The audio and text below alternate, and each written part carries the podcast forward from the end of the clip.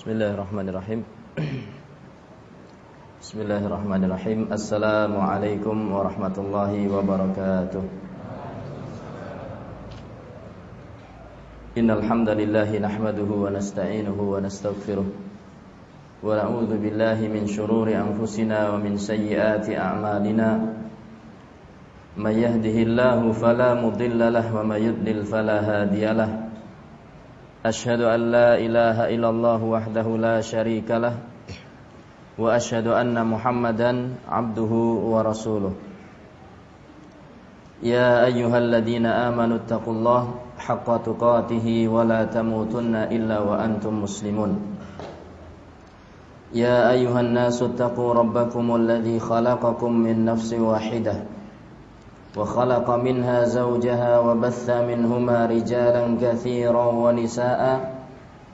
واتقوا الله الذي تساءلون به والأرحام. إن الله كان عليكم رقيبا. يا أيها الذين آمنوا اتقوا الله وقولوا قولا سديدا. يصلح لكم أعمالكم ويغفر لكم ذنوبكم. ومن يطع الله ورسوله فقد فاز فوزا عظيما أما بعد. فإن أصدق الحديث كتاب الله وخير الهدي هدي محمد صلى الله عليه وسلم وشر الأمور محدثاتها وكل محدثة بدعة وكل بدعة ضلالة وكل ضلالة في النار. Kaum muslimin rahimani wa rahimakumullah dan juga kaum muslimah, bapak-bapak, ibu-ibu dan rekan-rekan remaja dan remaji yang dirahmati oleh Allah Subhanahu wa taala. Sebagaimana telah disebutkan oleh Ustaduna Al-Ustad Al-Fadil Afifi Abdul Wadud hafizahullahu taala wa ra'ahu bahwa kebutuhan kita kepada ilmu itu adalah kebutuhan yang sangat mendesak. Bahwa kebutuhan kita kepada ilmu itu adalah kebutuhan yang setiap hari harus kita penuhi. Sebagaimana dikatakan oleh Al-Imam Ahmad atau Al-Imam Ahmadu rahimahullahu taala ketika beliau mengatakan annasu ilal ilmi ahwaju minhu ila ta'ami wasyarabi kebutuhan manusia terhadap ilmu itu lebih besar daripada kebutuhan makanan kebutuhan dia kepada makanan dan minuman. An-nasu ilal ilmi ahwaju minhu ila ta'ami wa syarab. Manusia itu lebih butuh kepada makanan dan manusia itu lebih butuh kepada ilmu dibandingkan kebutuhan dia kepada makanan dan minuman fa innahum ya'kuluna wa yashrabuna fil yawmi marra. Karena sesungguhnya manusia itu dalam sehari makan atau minum paling tidak sehari satu atau dua kali. Hari ini sudah berapa kali? Di suaranya di. Hari ini sudah berapa kali makannya? Sekali. Minumnya apa? Sarapannya apa? Oh puasa pak, masya Allah, alhamdulillah. Tapi sudah makan toh pak? Loh pak, bapak SMA ya pak? Ini subhanallah ya. Betul apa yang dikatakan oleh Ustaz Ustaz Afifi. Ini SMA betul ini pak saresehan mahasiswa dan alumni alumni. Ya, anak-anak SMA. Kata Al-Imam Ahmad bahwasanya annasu ilal ilmi ahwaju minhu ila ta'ami wasyarab. Manusia itu lebih butuh kepada ilmu dibandingkan kebutuhan dia terhadap makanan dan minuman. Karena mereka makan dan minum sehari paling satu atau dua kali wahum yahtajuna ilal ilmi madadal anfas. Sementara mereka butuh kepada ilmu adalah sepanjang nafas mereka. Ini perkataan Imam Ahmad rahimahullahu taala. Sehingga sungguh bagaimana para ulama itu dalam menuntut ilmu memang sangat luar biasa semangatnya. Ada di antara mereka yang menempuh perjalanan untuk mencari ilmu sampai kehabisan bekal. Sehingga terpaksa di antara mereka ada yang minum air kencingnya sendiri. Subhanallah. Ada pernah kejadian seorang ngaji kehabisan bekal sampai minum air kencingnya sendiri? Belum ada. Di zaman ini masya Allah, begitu pulang ngaji janjian makan di mana. Bahkan di pengajian ada snacknya. Ada nggak nanti? Ada. Kabar gembira. Ustadznya lagi ngaji, kameranya tertutup air dan segala macam minuman. Subhanallah. Ya. Mereka ngaji di tengah-tengah debu, angin dan yang lainnya, panas. Sekarang Masya Allah AC, kipas angin, tisu dan yang lainnya Subhanallah Ini kenikmatan yang sangat luar biasa Akan tetapi Tatkala hidup itu semakin enak Biasanya Tekad itu semakin menipis Tekad semakin menipis Tatkala pengajian bisa didengarkan lewat televisi misalnya atau pengajian bisa didengarkan lewat MP3 misalnya. Atau pengajian bisa didengarkan lewat rekaman-rekaman dan membaca majalah dan yang lainnya misalnya. Maka jumlah orang yang hadir dalam pengajian akan semakin berkurang. Padahal subhanallah Menghadiri majelis ilmu itu adalah keutamaan tersendiri Yang tidak didapatkan oleh orang-orang yang tidak hadir dalam majelis ilmu dan tentu sudah, sudah banyak sekali para asatidah, para ustadz yang menyampaikan tentang keutamaan menghadiri majelis ilmu. Cukuplah Anda menjadi orang yang terkenal di sisi Allah dan para malaikatnya. Itu adalah keutamaan majelis ilmu. Anda di sini dari SMA 5, tinggal-tinggal nggak ada yang kenal. Ya Mas ya. Satu orang dok SMA 5, betul? Satu orang dok? Kalau saya sebut nama Pak Taif misalnya di sini. Ada yang kenal dengan Pak Taif? Satu dua orang dok. Tapi dengan hadirnya Pak Taif di sini misalnya. Coba yang mana Pak Taif? Enggak tahu, enggak ada yang tahu kan? Taif bukan di Mekah sana, ya. Taif di sini sekarang. Dengan hadirnya Anda misalnya atau dengar hadirnya Anda yang dari SMA 5 di sini, Anda menjadi orang yang terkenal di sisi Allah. Di sisi malaikatnya. Sementara banyak orang yang tidak mengenal Anda. Subhanallah. Kalau Anda sekarang misalnya ketemu dengan presiden kita yang baru, wafaqahullahu lima yuhibbuhu wa yarda.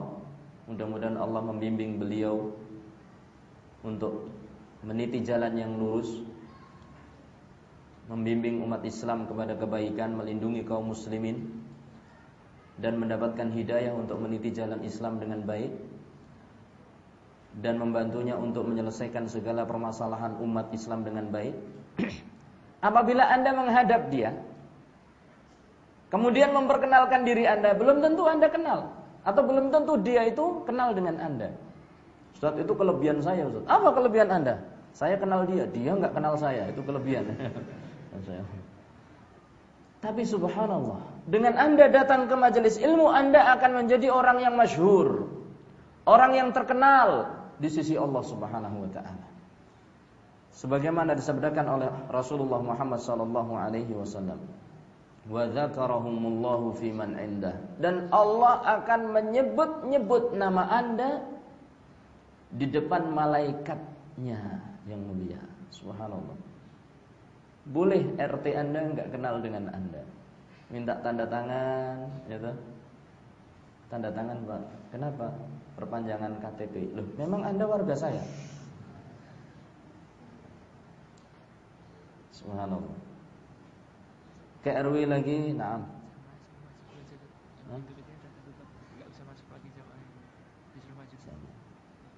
Eh, ini ada pesan dari panitia. jamaahnya disuruh eh, diminta dan dipersilahkan untuk maju supaya berada di pintu bisa maju. Ya sebelumnya jazakumullah khairan.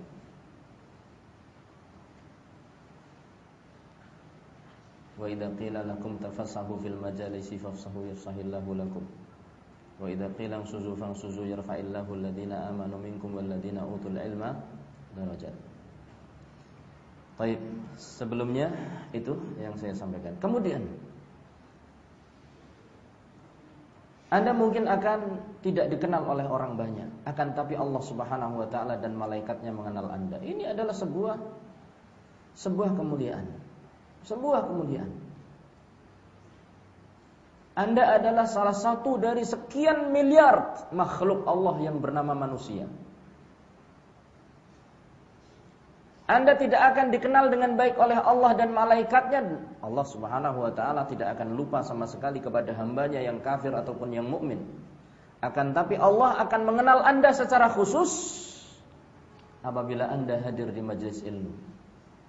Maka alhamdulillah ini adalah kemuliaan kita bisa bertemu pada kesempatan kali ini untuk mendapatkan semangat dalam jiwa, makanan hati dan sesungguhnya yang lebih pantas duduk di majelis ini adalah Ustadzuna Al-Fadil Ustadz Afifi fa inna lahu bughyatun aktar min bughyati karena beliau memiliki perbekalan yang jauh lebih banyak dari perbekalan saya wa huwa ustadi dan beliau adalah ustadz saya Beliau pernah mengajar saya dan sampai sekarang saya mengambil faedah dari beliau.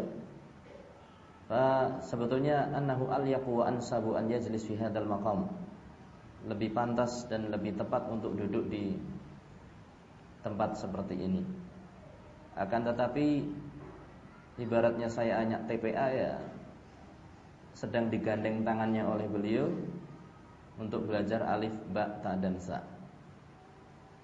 Kaum muslimin dan muslimat rahimani wa rahimakumullah. Kehidupan manusia adalah kehidupan yang tidak panjang. Kata Rasulullah Muhammad sallallahu alaihi wasallam, "A'maru ummati ma baina sittina wa sab'in." Umur umatku itu adalah antara 60 dan 70. Tidak panjang ya. Anda sekarang mungkin hidup ada yang sebagian masih berumur 18 tahun atau 17 tahun, sweet. 17.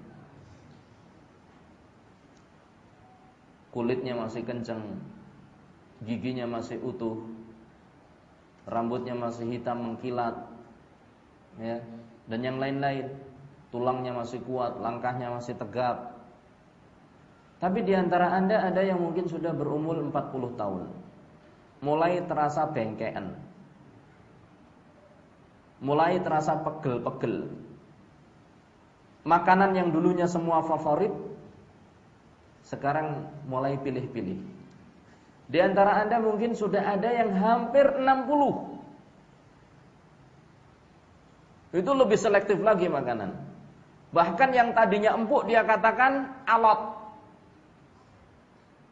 Sampai saya dulu pengalaman pribadi saya dengan bapak saya rahimahullahu taala kalau masih muda itu masya Allah namanya telur itu senang sekali.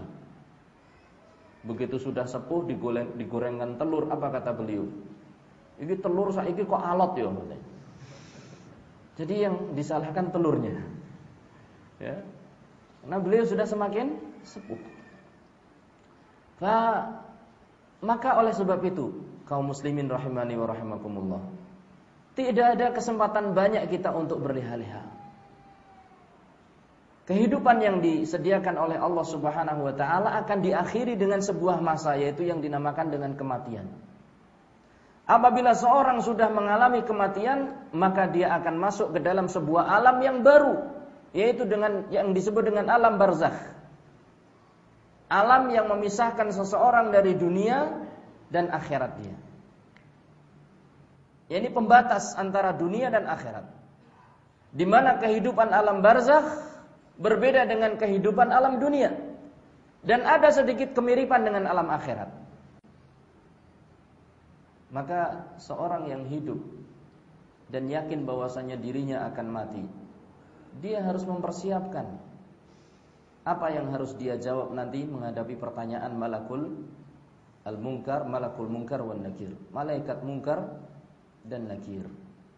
Dua malaikat yang diutus oleh Allah Subhanahu wa taala yang sebagian ulama mengatakan bahwasanya malaikat ini berasal dari dua malaikat hafadhah yang menjaga manusia, al-katibin yang mencatat amal baik dan amal buruk manusia. Dan sebagian ulama yang lain mengatakan bahwasanya malaikat ini berasal dari malaikat yang lain, bukan malaikat yang mencatat amal kebaikan dan keburukan. Ala kulli hal. Yang jelas apabila seorang masuk ke dalam dunia yang disebut alam barzakh, maka dia akan menghadapi beberapa pertanyaan dan itu pasti. Kita akan ditanya man rabbuka? Wa ma dinuka? Wa man nabiyyuka? Siapakah Rabb kamu? Apa agamamu? Dan siapakah nabimu? Hidup kita yang panjang Yang lama menurut sebagian kita Itu cuma akan digunakan menjawab tiga pertanyaan ini kalau kita berhasil menjawabnya fabiha wa ni'mat. Selamatlah orang tersebut. Tapi kalau kita tidak bisa menjawabnya, subhanallah. Kecelakaan sudah. Dan hadza min rahmatillah. Ini adalah bentuk rahmat dari Allah. Di mana Allah Subhanahu wa taala lewat lisan Rasulullah Muhammad sallallahu alaihi wasallam menceritakan apa yang akan terjadi di alam kubur. Alam kubur itu bukan kuburan. Ya. Alam kubur itu adalah alam yang akan dilalui semua orang yang sudah meninggal dunia. Baik dia dikubur ataupun diawetkan jadi mumi, dibalsem dan yang lainnya. Baik jasadnya utuh ataupun jasadnya hancur. Baik jasadnya berkumpul ataupun jasadnya terpisah-pisah. Itu alam kubur. Semuanya akan mengalaminya. Dan Allah Subhanahu wa taala Maha Rahmah kasih sayang sekali. Beliau atau Allah Subhanahu wa taala menggambarkan bahwasanya nanti di alam barzakh kita akan menghadapi tiga pertanyaan ini. Supaya kita bersiap-siap. Kalau tiga pertanyaan ini bisa kita jawab, selamat kita. Tapi kalau tiga pertanyaan ini tidak bisa kita jawab, sebagaimana seorang fajir al-kafir yang dicabut nyawanya oleh Allah Subhanahu wa taala dengan mengutus malakul maut dan para akwannya, rombongannya, pembantu-pembantunya, suul wujuh, sudul wujuh, di mana wajah mereka hitam-hitam menakutkan.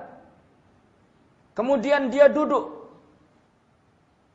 dan memerintahkan kepada orang kafir fajir tadi untuk keluar sendiri nyawanya maka tidak mau. Maka dipukullah orang tersebut sehingga nyawanya keluar, berpencaran. Maka terkadang kita dapatkan sebagian orang kafir kelocotan dalam meninggal dunia. Ustadz, saya pernah lihat ada orang yang betul-betul kafir akan tetapi meninggalnya tenang sekali. Ikhwan, ini adalah masalah-masalah gaib. Siapa yang tahu bahwasanya dalam ketenangan ketika dia meninggal, maka dia merasakan kesakitan yang luar biasa. Tidak ada yang tahu. Kita tahu hanya dari berita bahwasanya orang dari berita yang benar yang dikabarkan oleh Rasulullah sallallahu alaihi wasallam. Ketika Rasulullah sallallahu alaihi wasallam man kariha liqa Allah karihallahu liqa'a liqa'ah Orang yang benci untuk bertemu dengan Allah, maka Allah pun akan benci bertemu dengan dia. Bagaimana orang itu benci bertemu dengan Allah? Orang yang tidak beriman kepada Allah, ketika dikatakan kepada dia untuk keluar dari jiwanya, untuk keluar dari badannya, rohnya keluar dari badannya, dia ketakutan. Berpecahan itu nyawa ke seluruh tubuhnya, ketakutan. Akhirnya dibetot oleh malaikat sehingga terpaksa keluar nggak mau keluar dengan sendirinya. Setelah dibetot kemudian dimasukkan ke dalam kafan yang diambil dari akhirat, dengan bau yang sangat busuk kemudian diantarkan nyawa ini ke langit dengan bau yang busuk sekali dan semua malaikat bertanya siapa ini roh fulan yang baunya sangat busuk. Kemudian disebut ini adalah roh fulan bin fulan dengan nama yang paling buruk. Kemudian tidak dibukakan pintu langit oleh Allah Subhanahu wa taala. Ditolak di langit. Kemudian dikembalikan oleh Allah Subhanahu wa taala ke bumi. Dan saat itulah malam pertama di alam barzah segera dimulai. Datang kepadanya mungkar wa nakir. Dan bertanya man rabbuka maka dia mengatakan hala adri sami'tu nasa yaquluna faqultu dia mengatakan saya tidak tahu. Sami'tu an-nasa. Dulu aku pernah mendengar. Dulu aku mendengar orang mengatakan sesuatu. Aku dulu juga ikut mengatakannya. Tapi sekarang aku tidak bisa untuk mengungkapkannya. Jadi bukan berarti dulu saya mendengar mereka mengatakan Allah, maka saya katakan sekarang Allah. Oh tidak. Dia orang yang berusaha mengingat-ingat. Sami'tu nasa yaqul syai'an. Fala adri, ya, la adri. Faqultu, dulu saya bisa mengatakan. Tapi sekarang saya itu tidak bisa untuk mengungkapkannya. Jadi seperti orang yang ujian. Soalnya di depannya itu pernah dia kerjakan. Nyontek. Dulu dia ngerjakannya itu apa? Nyontek. Sin kuadrat X plus cos kuadrat X sama dengan Dulu jawabnya setengah, tapi ngelirik sebelah satu. Jawab satu. Ya mas dari SMA 5? Betul ya? Betul. Jurusannya apa mas? IPA atau IPS? IPS. Wah, nggak nyambung. Tapi insya Allah tahu ya. Ya, Dulu saya bisa menjawab begitu sekarang kita berhadapan dengan soal yang ya Allah ini gimana ini? Teori penggaraman pula, ya kan? Asam plus basa sama dengan garam plus air. Itu dulu ya Mas ya. Setelah berkeluarga beda lagi asam plus basa sama dengan sayur asam. Subhanallah. Itu orang kafir ini dulu mengikuti orang munafik yang dia menampakkan keislaman, mengikuti ibadahnya kaum muslimin, tapi iman tidak ada di dalam hatinya. Bahkan terkadang dia benci yang namanya Islam. Nauzubillahi min dzalik. Nas'alullah salama wal afiyah. Ya orang ngaji ikut ngaji. Orang sholat ikut sholat. Korban, wow paling gede korbannya. Double sekalian. Tapi sama sekali dalam hatinya tidak ada iman kepada Allah dan Rasulnya. Benci dia syariat Islam. Dia hanya pura-pura. Dia mengatakan sami'tu nasa yaqul faqultu.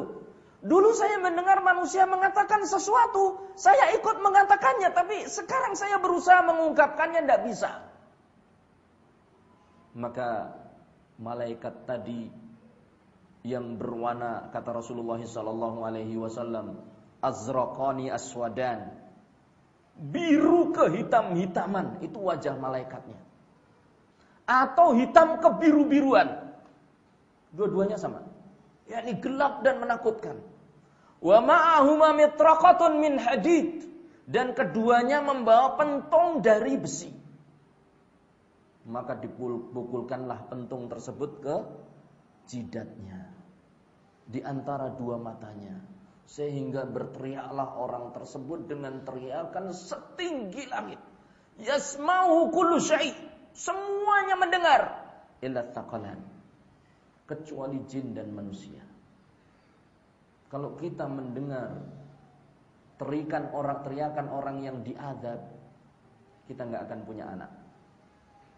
Kita nggak akan pernah bisa hidup jenak.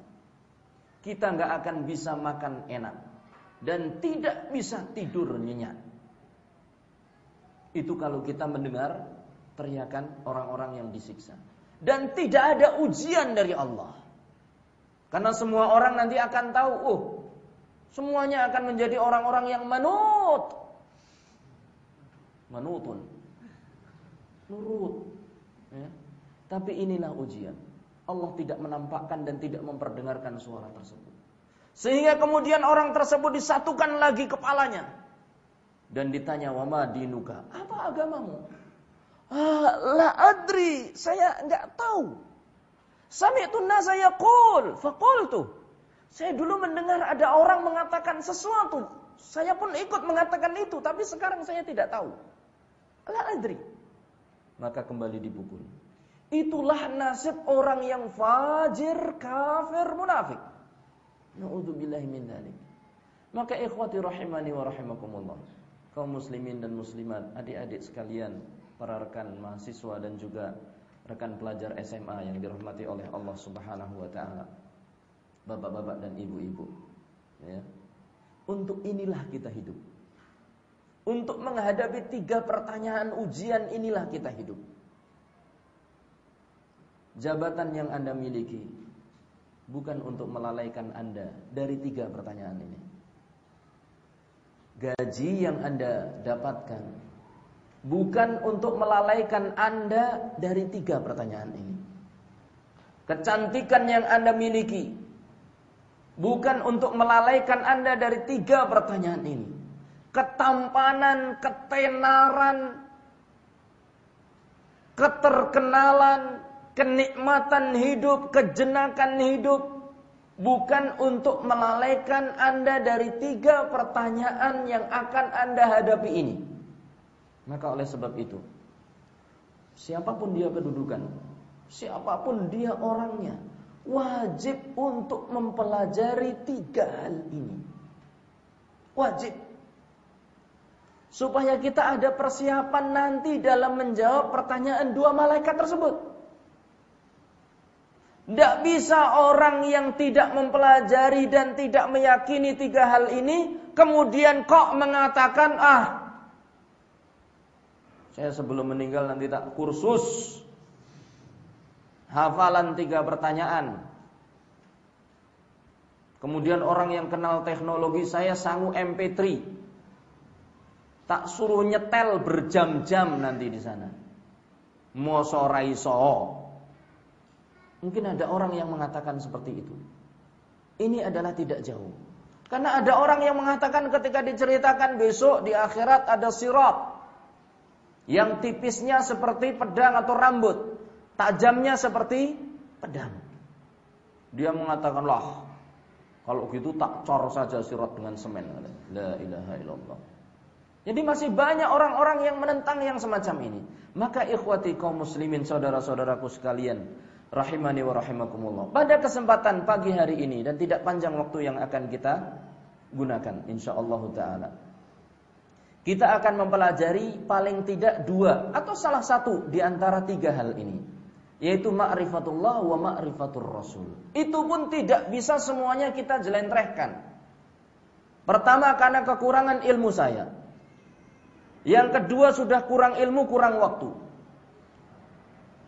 Yang ketiga banyaknya dan luasnya pembahasan masalah ma'rifatullah wa ma'rifatur rasul. Mengenal Allah dan mengenal Rasul. Kata sebagian ulama, Inna fil jannati jannah atau inna fid dunya jannatun. Inna fid dunya jannatan. Man lam yadkhulha lam yadkhul jannatal akhirah. Sesungguhnya di surga ini ada sesungguhnya di dunia ini ada sebuah surga. Orang yang tidak bisa masuk ke dalam surga tersebut, surga dunia, maka dia tidak akan masuk ke dalam surga akhirat. Apa itu? Kata beliau, ma'rifatullah mengenal Allah Subhanahu wa taala. Orang yang tidak mengenal Allah Subhanahu wa taala tidak akan bisa masuk ke dalam surganya Allah Subhanahu wa taala. Bagaimana mengenal Allah? Mengenal Allah bisa dengan beberapa cara. Paling tidak dengan tiga cara. Sebagaimana disebutkan oleh Syekh Muhammad At-Tamimi dan diterangkan oleh Syekh Muhammad bin Saleh Al-Utsaimin rahimahumallahu taala. Di antara cara mengenal Allah Subhanahu wa taala dan sebelumnya kita katakan bahwasanya Allah Subhanahu wa taala huwal khaliqu Ar-Raziqul Mudabbir Al-Muhyil Mumit Al-Mutasarrif fil Kaun Allah Subhanahu wa taala adalah Al-Khaliq yang menciptakan kita. Allah Subhanahu wa taala yang memberi rizki kepada kita. Allah Subhanahu wa taala yang menghidupkan kita dan mematikan kita. Wa huwal mustahiqqu lil ibadah. Dan dialah Allah Subhanahu wa taala yang berhak untuk kita ibadahi. Bapak-bapak dan ibu-ibu rahimani wa rahimakumullah. Kita mengenal Allah bahwasanya Allah menciptakan kita, Allah memberi rizki kepada kita, Allah menghidupkan kita, Allah mematikan kita. Bukan hanya sekedar tahu tok. Akan tetapi konsekuensinya adalah kita senantiasa semakin kita kenal Allah, semakin kita yakin bahwasanya Allah yang mengatur kehidupan kita, maka seharusnya semakin kita ini beribadah kepada Allah Subhanahu wa taala. Semakin kita dapat mendapatkan kenikmatan semakin banyak dari Allah, semakin banyak ibadah yang harus kita lakukan.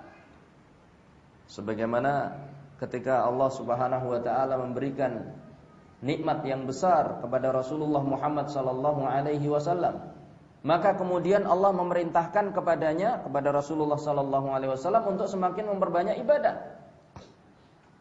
Kata Allah Subhanahu wa taala, "Inna a'tainakal kautsar." Fasalli li rabbika wanhar. Inna syani'aka huwal abtar. Inna a'tainakal kautsar. Sesungguhnya Allah Subhanahu wa taala sesungguhnya kami telah memberikan kepadamu al-kautsar. Kata para ulama, al-kautsar adalah an-nikmah al-katsirah. Nikmat yang sangat banyak.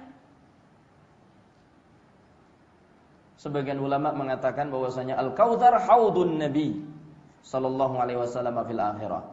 Sebagian ulama mengatakan bahwasanya Al-Kautsar itu adalah telaganya Nabi Muhammad sallallahu alaihi wasallam di akhirat nanti. Dan ini tidak berlawanan dengan penafsiran yang pertama. Karena Rasulullah sallallahu alaihi wasallam sudah mendapatkan nikmat yang sangat banyak. Beliau telah dilahirkan ke muka bumi dan itu nikmat. Kemudian beliau ketika bapaknya meninggal dunia, dia dirawat oleh kakeknya, kemudian pamannya atau ibunya dan yang lain-lain. Tidak ditinggalkan oleh Allah Subhanahu wa taala dalam keadaan yatim, tapi tetap ada yang mengurusi. Itu nikmat. Beliau Shallallahu alaihi wasallam mendapatkan seorang istri setipe Khadijah. Masya Allah, ya kan? Khadijah. Ini nikmat luar biasa. Beliau mendapatkan Rasulullah Muhammad sallallahu alaihi wasallam istri-istri yang salihah seperti Aisyah, Ummu Salamah, Sofia, Zainab, Saudah dan yang lainnya. Maryam Al-Qibtiyah dan yang lainnya. Ini adalah nikmat. Dan beliau sallallahu alaihi wasallam diberi para sahabat yang mulia. Setipu Abu Bakar. Setipu Umar setipu Utsman, setipu Ali bin Abi Talib radhiyallahu taala anhum.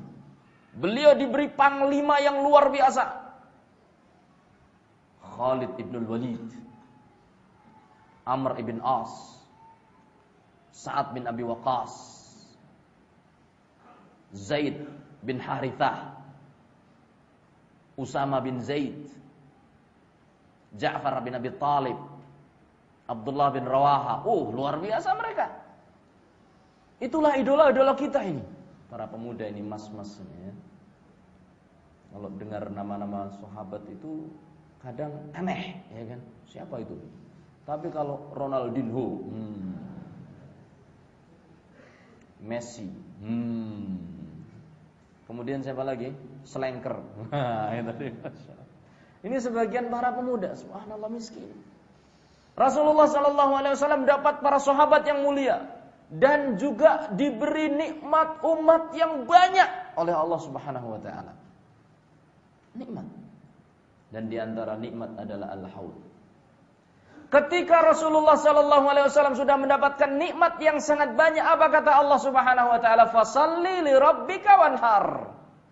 Salatlah kamu dan berkorbanlah kamu semata-mata untuk. Semakin banyak nikmat yang kita rasakan, harusnya semakin banyak syukur kita kepada Allah. Semakin tua usia seseorang, teruskan Pak, semakin harus sering beribadah dan mengaji. Ustaz kalau begitu yang muda belum Ustaz?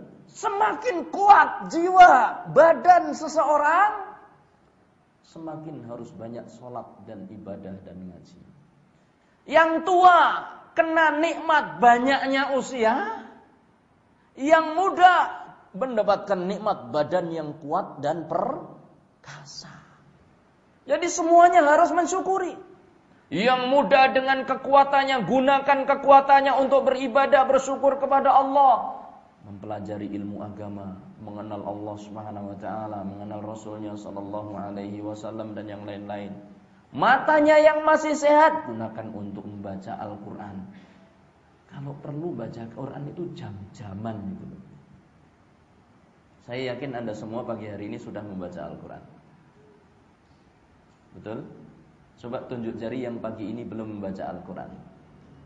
Nah, tau nggak ada tau? yakin saya masya Allah. Saya yakin pagi ini semuanya sudah membaca Al-Quran. Iya atau enggak? Coba tunjuk jari yang belum. Loh kan nggak ada kan?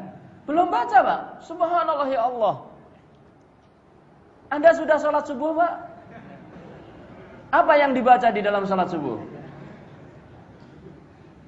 Al Al-Fatihah, ya kan? Dan Al-Quran. Berarti sudah baca Quran kan? Walhamdulillah. Makanya saya katakan saya yakin insya Allah semua di sini sudah membaca Al-Quran, Pak. Bersyukur, Pak. Walhamdulillah. Karena dengan membaca Al-Quran di sholat subuh juga termasuk salah satu cara membaca Al-Quran. Bersyukur. Itu. Subhanallah. Sebagian kaum muslimin terutama yang muda-muda ini. Yang tua-tua juga, Deng. Gak kalah. Ada grup tua, ada grup muda. Sibuk dengan FB-nya. Forum Bu Ibu. Nah. Atau BBM. Atau Twitternya. Atau kalau sekarang yang lebih terkenal apa? WhatsApp. Hmm. Ya, WhatsApp. Bangun tidur, ada berita apa di WhatsApp? Eh, udah tidur belum? oh, udah bangun belum? Baru aja, mau mandi nih. Nah, Ya, subhanallah. Sibukkan diri kita kalau sudah kenikmatan sangat banyak Allah Subhanahu wa taala yang menciptakan kita, memberi rizki kepada kita, Allah yang mengatur kehidupan kita, harusnya kita semakin banyak bersyukur kepada Allah Subhanahu wa taala. Baik, mari kita kenali Allah Subhanahu wa taala. Siapakah Allah Subhanahu wa taala? Allah adalah yang menciptakan kita, yang memelihara kita. Bagaimana kita mengenal Allah Subhanahu wa taala? Cara mengenal Allah Subhanahu wa taala adalah bi ayatihil kauniyah wa bi ayatihi syar'iyyah. Yang pertama adalah dengan mencermati ayat-ayat Allah al-kauniyah. Ciptaan-ciptaan Allah. Makhluk-makhluk Allah Subhanahu wa taala. Kita yakini bahwasanya makhluk ini adalah ciptaan Allah. Kata Allah Subhanahu wa taala, Alhamdulillahi rabbil alamin. Segala puji bagi Allah, Rabb. Pemelihara, pencipta alam semesta. Ini dalil yang menunjukkan bahwasanya Allah Subhanahu wa taala adalah zat yang mengatur alam semesta ini. Alhamdulillahi rabbil alamin. Segala puji bagi Allah Subhanahu wa taala. Kemudian juga di antaranya adalah yang menunjukkan ayat-ayat kauniyah Allah Subhanahu wa taala, makhluk-makhluk Allah adalah firman Allah taala. Wa min ayatihi wan nahar. Dan di antara ayat-ayat tanda-tanda kebesaran Allah adalah malam dan siang. Coba pikirkan kalau Allah menciptakan hari ini siang semua. Ya, bagaimana kalau Allah mengulurkan siang itu terus sampai hari kiamat siang terus? Apa yang terjadi? Kira-kira saudara-saudara sekalian, capek kita, panas kita. Ya, subhanallah. Demikian juga malam. Kalau malam terus menerus, bagaimana kehidupan kita coba? Inilah kebesaran Allah Subhanahu wa taala. Wa min ayatihi al-lail wan nahar. Malam dan siang. Wasyamsu wal qamar. Matahari dan juga bulan. Kita perhatikan ayat-ayat Allah yang berupa matahari dan bulan. Matahari manfaatnya luar biasa bagi tubuh kita, bagi makhluk-makhluk yang ada di sekitar kita. Ya. Jauh tempatnya tapi dekat rasanya. Subhanallah. Matahari itu Allah Subhanahu wa taala jadikan makhluk yang besar tapi jauh. Coba bayangkan kalau matahari itu di dekat kita. Apa yang akan terjadi? Gak kuat kita akan hidup di dunia ini. Subhanallah. Demikian juga komar. Malam yang gelap akan terasa indah kalau ada bulannya. Apalagi kalau sudah bulan purnama. Masya Allah. Ini ayat-ayat dan tanda-tanda kebesaran Allah. Dari sini kita berpikir. Untuk memperdalam makrifat kepada Allah subhanahu wa ta'ala. Ya. Apakah segala sesuatu yang teratur itu terjadi dengan sendirinya atau ada zat yang menciptakannya? Karena sebagian orang mengatakan bahwasanya bumi ini ya, teori mereka, teorinya orang-orang barat teorinya Darwin. Anak-anak SMA biasanya belajar. Dulu kita juga mempelajarinya. Ya. Ya, dan teori yang lainnya yang mengatakan bahwasanya bumi ini terjadi dengan sendirinya. Ini tidak benar. Bumi ini adalah Allah Subhanahu wa taala yang menciptakan. Am khuliqu min ghairi am humul khaliqun? Am khalaqus samawati wal arda la? Apakah mereka diciptakan tanpa pencipta? Ini apakah mungkin matahari manusia muncul tanpa pencipta mak pentungul gitu? Tidak mungkin. Am Amhum am khuliqu min ghairi syai'in am humul khaliqun ataukah mereka sendiri yang menciptakan dirinya sendiri? Kalau dulu orang-orang yang mengingkari tentang Allah itu pencipta itu sedikit sekali. Hanya beberapa gelintir orang saja yang disebutkan di dalam Al-Quran. Satu contoh misal Namrud. Atau mungkin Fir, Fir'aun. Ketika Nabi Ibrahim berkata kepada dia, Rabbi alladhi yuhyi wa yumit. Qala ana uhyi wa umit. Ketika Nabi Ibrahim mengatakan bahwasanya Robku yang menciptakanku adalah zat yang bisa menghidupkan dan mematikan. Apa kata Namrud? Ana uhyi wa. Oh, saya juga bisa menghidupkan dan bisa mematikan. Maka dipanggillah dua tawanan yang sudah difonis hukuman mati. Dikatakan yang satu bunuh. Mati. Yang satu bebaskan. Lihat. Kata Namrud. Ya para pembesarnya Namrud saat itu sebetulnya tahu tentang kebodohan Namrud. Tapi mereka takut. Takut jabatannya dicopot. Jadi diem saja. Enggak mau protes. Nabi Ibrahim karena tahu itu hujah yang tidak ada nilainya, argumentasi yang enggak ada nilainya, Nabi Ibrahim enggak membantah Namrud. Ketika Namrud mengatakan, "Ana oh iya umit, oh saya juga bisa menghidupkan dan Mematikan, datang tawanan kemudian satu dibunuh, satu tidak. Dibiarkan sama Nabi Ibrahim. Tapi Nabi Ibrahim mendatangkan sesuatu yang tidak mungkin dibantah lagi oleh Namrud. Ya. Bahwasanya innallaha ya'ti bisyamsi minal masyriqi fa'ti biha minal maghribi. Kalau memang benar kamu itu yang menciptakan, kamu itu seperti Tuhan, coba sesungguhnya Tuhanku mendatangkan matahari dari arah timur menerbitkan matahari dari arah timur. Sekarang coba tolong balik itu. Fabuhital ladzi kafar. Maka orang kafir itu terdiam. Dan semua pendukungnya Namrud nggak ada yang protes karena tahu bahwasanya Namrud nggak akan bisa yang seperti itu. Ya, sebagian orang mengatakan ini terjadi dengan sendirinya. Tapi di hari-hari ini pengikut yang yang uh, pendapat seperti ini semakin banyak. Bahwasanya alam ini terjadi dengan sendirinya, alam ini yang mengatur adalah hukum alam, ya. Sampai ada sebagian orang mungkin mengatakan bahwasanya saya bisa menciptakan makhluk. Dia tutup apa namanya? sepotong daging, kemudian ditunggu akhirnya timbul apa? jentik-jentik. Apa jentik-jentik? Apa namanya? Belatung. Akhirnya dengan gampang dikatakan oleh seorang ilmuwan yang lain, coba dihitung, yang jantan berapa, yang betina betan berapa. Kalau kamu memang yang menciptakan. Ya. Mereka mengatakan seperti teori-teori dulu.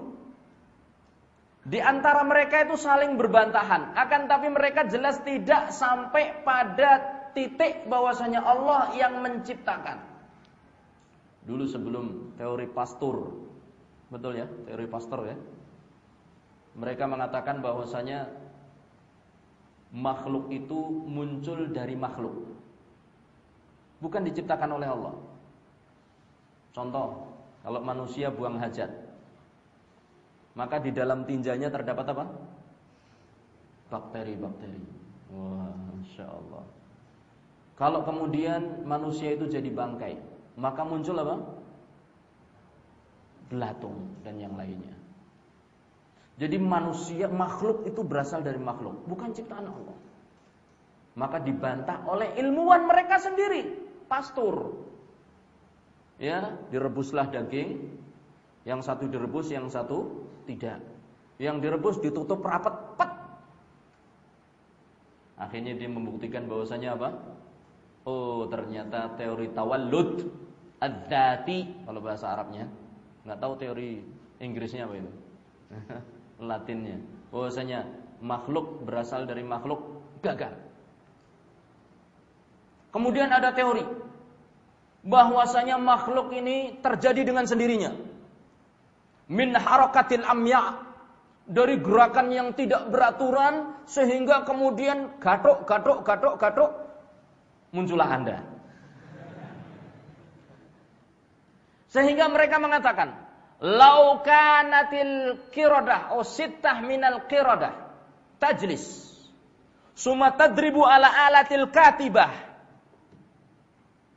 Bilyuna sanah. Balayin sanah. La kharajat min kitabatiha. Qasidah min qasaid Shakespeare. Apa Shakespeare itu? Tahu juga ini ternyata. Khairul Anwar misalnya. Kata mereka, kalau ada enam monyet, enam ekor monyet, suruh duduk, kemudian diberi alat ketik di depannya. Kemudian mereka ngetik sak geleme dhewe, jedot jedot jedot jedit. Selama balayina sana, selama ribuan jutaan bilion. Bilion itu nolnya berapa?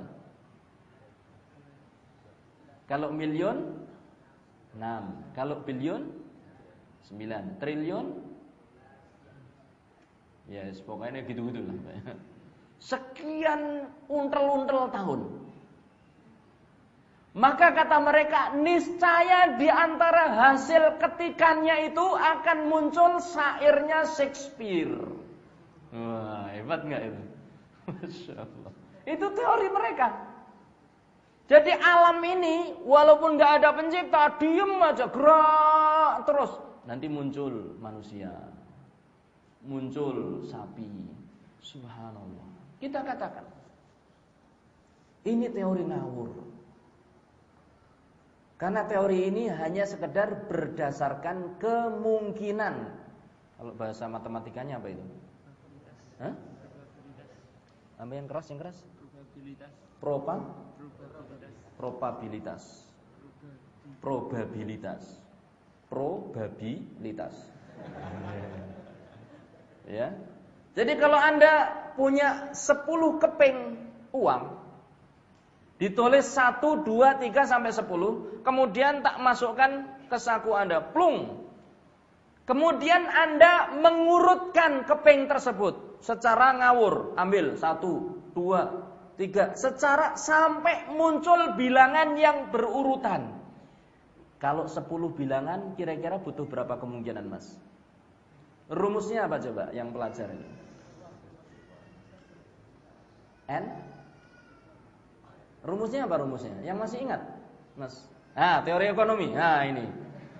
Berapa kemungkinan yang dia butuhkan? 10 angka ini. Sampai dia bisa menjajarkan. Ini ada 10 bilangan loh. Menjajarkan dari angka 1 sampai angka 10. Itu ada berapa kemungkinan? Rumusnya apa? Coba yang fisika atau kimia, uh, IPA. Apa rumusnya? Huh? N I N I S Y A N Nisyan lupa ya kan nah itu berjuta-juta kemungkinan kapan munculnya nggak tahu sampai muncul urut lah sekarang kalau nunggu kemungkinan tersebut coba bayangkan anda munculnya kapan mungkin nggak bapak ibu anda nikah, muncul seperti anda. Itu mungkin nggak?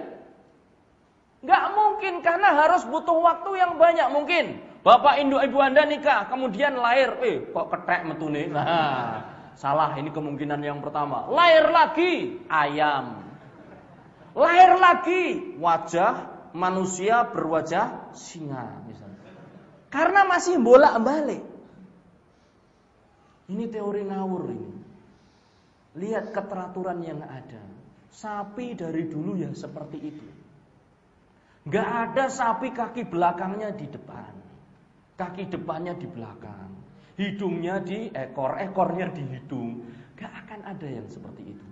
Ini menunjukkan keteraturan. Allah subhanahu wa ta'ala yang mengaturnya. Tidak mungkin perkara yang besar seperti ini tanpa pencipta tanpa adanya Allah Subhanahu wa taala. Tidak mungkin. Teori Darwin. Teori Darwin ya seperti itu. Darwin mungkin dengan alat keruknya yang belum memadai di zamannya. Dia mengatakan bahwasanya setiap lapisan bumi maka fosilnya berbeda beda. Gitu ya? Akhirnya menyimpulkan bahwa lapisan bumi yang atasnya adalah perkembangan dari makhluk yang ada di bawahnya. Ya mungkin saat itu tenaga keruknya sekop sama pacul. Itu sudah menyimpulkan macam-macam. Subhanallah. Sampai-sampai dia mengatakan bahwasanya Anda adalah keturunan kera. Setuju? Ya ada kita ini keturunan Bani Adam. Walhamdulillah. Kalau sebagian orang Yahudi dirubah menjadi kera, iya. Dirubah menjadi khinzir babi, iya. Tapi kalau kita keturunan gorila, kalau menurut mereka, atau keturunan kera, itu jauh sekali, tidak mungkin. Kita adalah keturunan Bani Adam. Bukan keturunan Pithecanthropus Paleojavanicus. Wih, Ustaz, namanya nyentrik Ustaz. Kalau anak saya tak kasih nama dengan itu Meganthropus erectus boleh nggak Ustaz? Duh, Ustaz. Kita bukan keturunan itu. Apalagi ada yang namanya the missing link yang tidak pernah ketemu. Ternyata the missing link juga bukan hanya pada fosil manusia. Banyak the missing link, the missing link yang lainnya. Yang tidak bisa ditemukan. Dan pengakuan sendiri yang mendukung teorinya Darwin dengan persamaan janin pada setiap makhluk itu ternyata dia itu ngapusi gambarnya itu dicocok-cocokkan. Itu pengakuan dia. Namanya juga orang Yahudi. Ini teman-teman pelajar SMA sekalian yang dirahmati oleh Allah. Orang Yahudi itu punya satu kaidah, ikdzib waqdzib hatta yusaddiqakan nas. Berdustalah terus kalian dan terulas berdusta sampai orang-orang itu percaya. Ya. Maka yang kita sebagai seorang muslim, kita yakin bahwasanya Allah Subhanahu wa taala yang menciptakan alam semesta keajaiban-keajaiban alam yang luar biasa yang dimiliki satu makhluk tidak dimiliki makhluk yang lainnya. Kecerdasan yang dimiliki satu makhluk tidak dimiliki oleh makhluk yang yang lainnya. Pernah dengar ada seorang kucing bakar tikus? Pernah dengar? Mereka makan tikus mentah-mentah begitu saja, iya kan? Tapi kita sebagai manusia kecerdasan luar biasa. Mau makan sapi, dibelah dulu jadi sop sapi. Kemudian jadi bakso sapi. Menjadi sate sapi. Menjadi kornet sapi. Tidak ada manusia makan sapi diberakoti itu, hidup-hidup. Ini kecerdasan yang diberikan oleh Allah kepada manusia. Ini tidak mungkin terjadi dengan sendirinya. Kecerdasan seekor musang. Pernah dengar musang?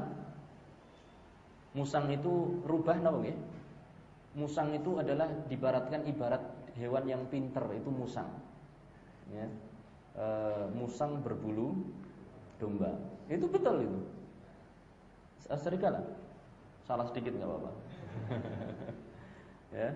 Jadi musang itu makanannya apa biasanya? Ayam. Diriwayatkan oleh Ibnu Qayyim bahwasanya di antara kecerdikan musang. Saya ceritakan ini untuk menggambarkan betapa ciptaan Allah ini luar biasa. Untuk meyakini semakin yakin bahwasanya Allah yang menciptakan alam ini semuanya. Diriwayatkan bahwasanya apabila seekor musang ingin mencuri seekor ayam, maka dia curi sudah. Kemudian sang pemilik ayam akan datang dan tahu kalau musang itu mencuri ayamnya. Dia akan berjaga-jaga. Akhirnya sang musang pun musang pun bingung untuk mendapatkan ayam yang kedua. Apa yang dia lakukan? Dia akan memunculkan dirinya dari kejauhan dengan menggigit sebuah benda. Maka sang pemilik ayam itu mengira tadi adalah apa? Itu ayam dia. Maka dia dengan mengendap-endap mendekati sang tempat sang musang. Sementara sang musang menyelinap ke tempat lain, ke mana dia pergi? Ke kandang ayam yang satunya. Subhanallah. Kalau anda kelaparan, apa yang anda lakukan? Gak ada makanan sama sekali. Apa yang anda lakukan? Kalau musang punya cara. Dia akan menjatuhkan diri di padang pasir dan menggembungkan badannya dan menjulurkan lidahnya atau menganga lidahnya sehingga dia akan dirubung lalat seperti hewan yang sudah mati. Biasanya kalau ada hewan yang mati apa yang datang? Burung. Burung pemakan bangkai. Maka mendekatlah burung pemakan bangkai lompat, lompat sampai mencelok di badannya, kemudian sang musang langsung menangkapnya. Itu. Kalau nggak dapat makanan lain kecuali dengan cara itu. Sekarang saya tanya lagi. Nek musang itu badannya penuh tumo. Apa yang Anda lakukan? Atau apa yang akan dia kerjakan? Tahu tumo ya? E, kutu. Hmm dia nggak punya yang namanya serit. Tahu serit? Sisir.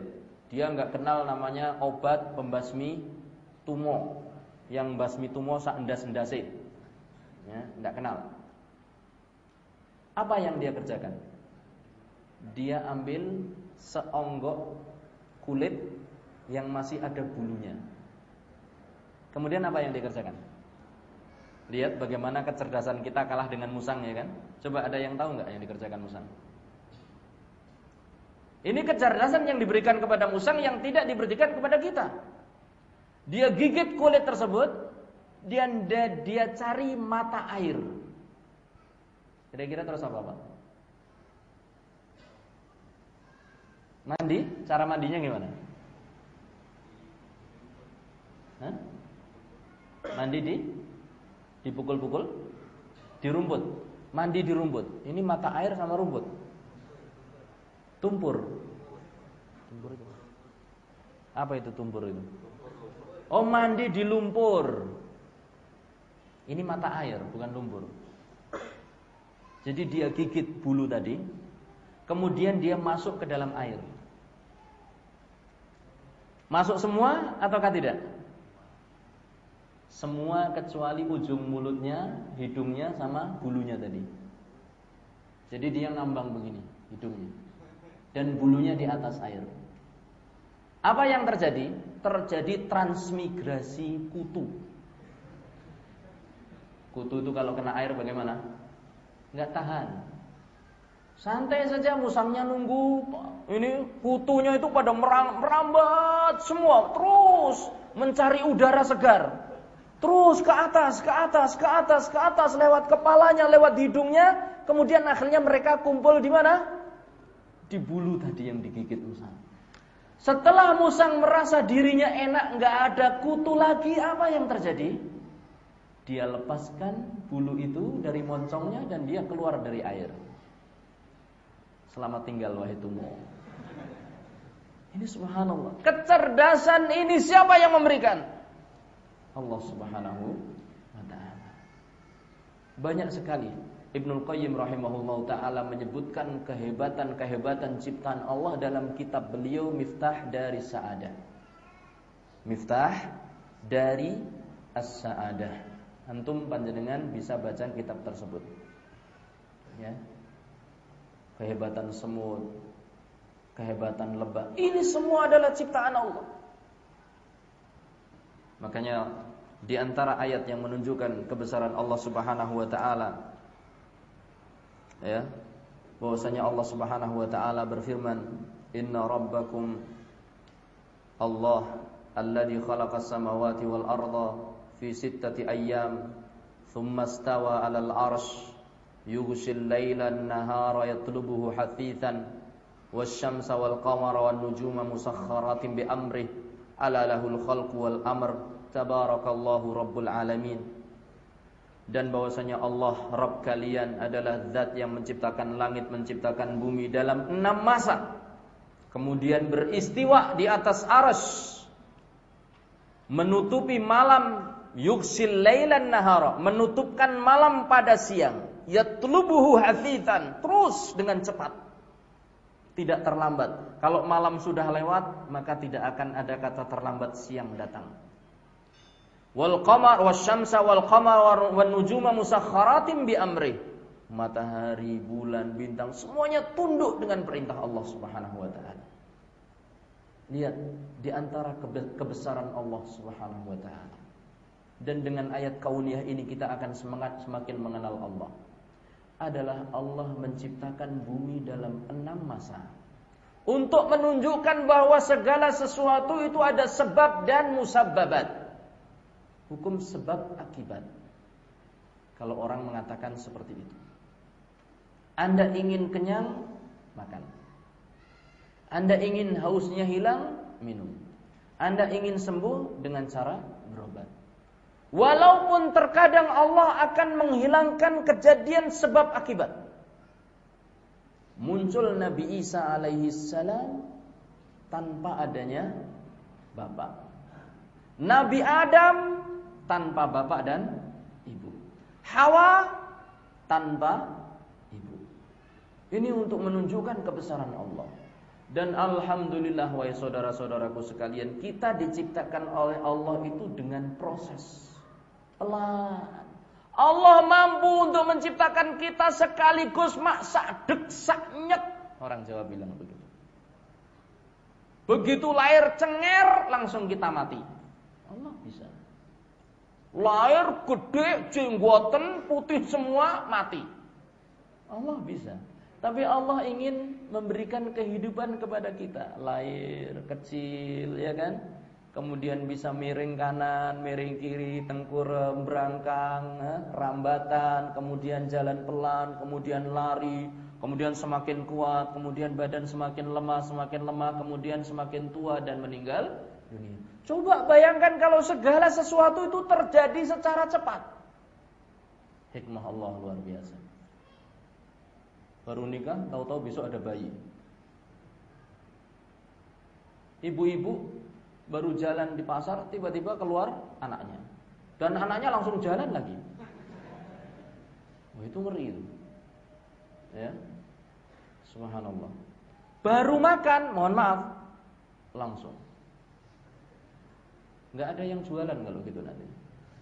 Karena orang jualan kalau yang kejadiannya seperti itu ibaratnya menyediakan WC umum. Baru makan keluar, makan keluar, kayak lalat. Ya, makan keluar, makan keluar itu lalat. Nah, subhanallah. Jadi segala dengan proses ini menunjukkan kebesaran Allah. Ini salah satu cara mengenal Allah bi ayatillahil kauniyah. Kita mengenal ayat-ayat kauniyah tujuannya adalah untuk beribadah semata-mata kepada Allah. Makanya dalam ayat dikatakan Ya ayuhan nasu budu rabbakumul ladzi khalaqakum wal ladzina min qablikum la'allakum tattaqun. Alladzi ja'ala lakumul arda firasya was samaa'a binaa'a wa anzala minas samaa'i ma'an fa akhraja bihi minats thamarati rizqan lakum fala taj'alu lillahi andada wa antum ta'lamun.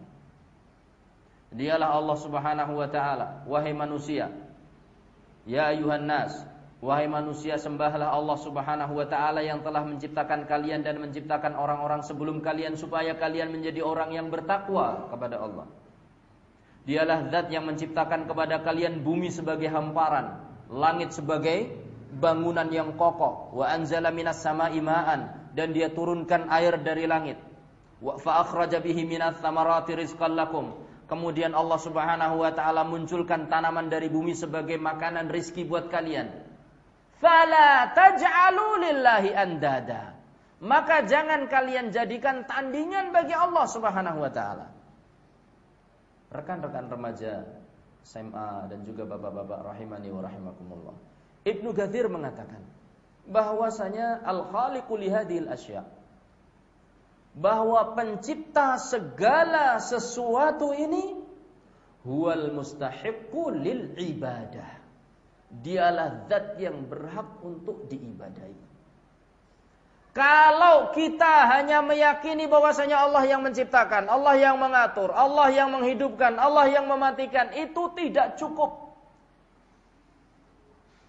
Itu adalah akidahnya orang-orang kafir Quraisy zaman dahulu. Mereka meyakini Allah yang menciptakan, mereka meyakini Allah yang menghidupkan, mereka yang meyakini Allah yang mematikan. Akan tetapi mereka tetap menyekutukan Allah Subhanahu wa taala dalam ibadah mereka.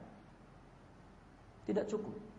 Maka kita sebagai seorang hamba Allah, ketika meyakini bahwasanya Allah yang menciptakan, Allah yang memberi makan kita, Allah yang mematikan, menghidupkan kita, maka wajib bagi kita untuk beribadah kepada Allah. Al-Khaliqu li hadhil asya' huwal mustahiqqu lil ibadah. Ini tujuan kita mempelajari ayat-ayat kauniyah. Jadi kita menjadi dokter, Anda menjadi ilmuwan, Anda belajar.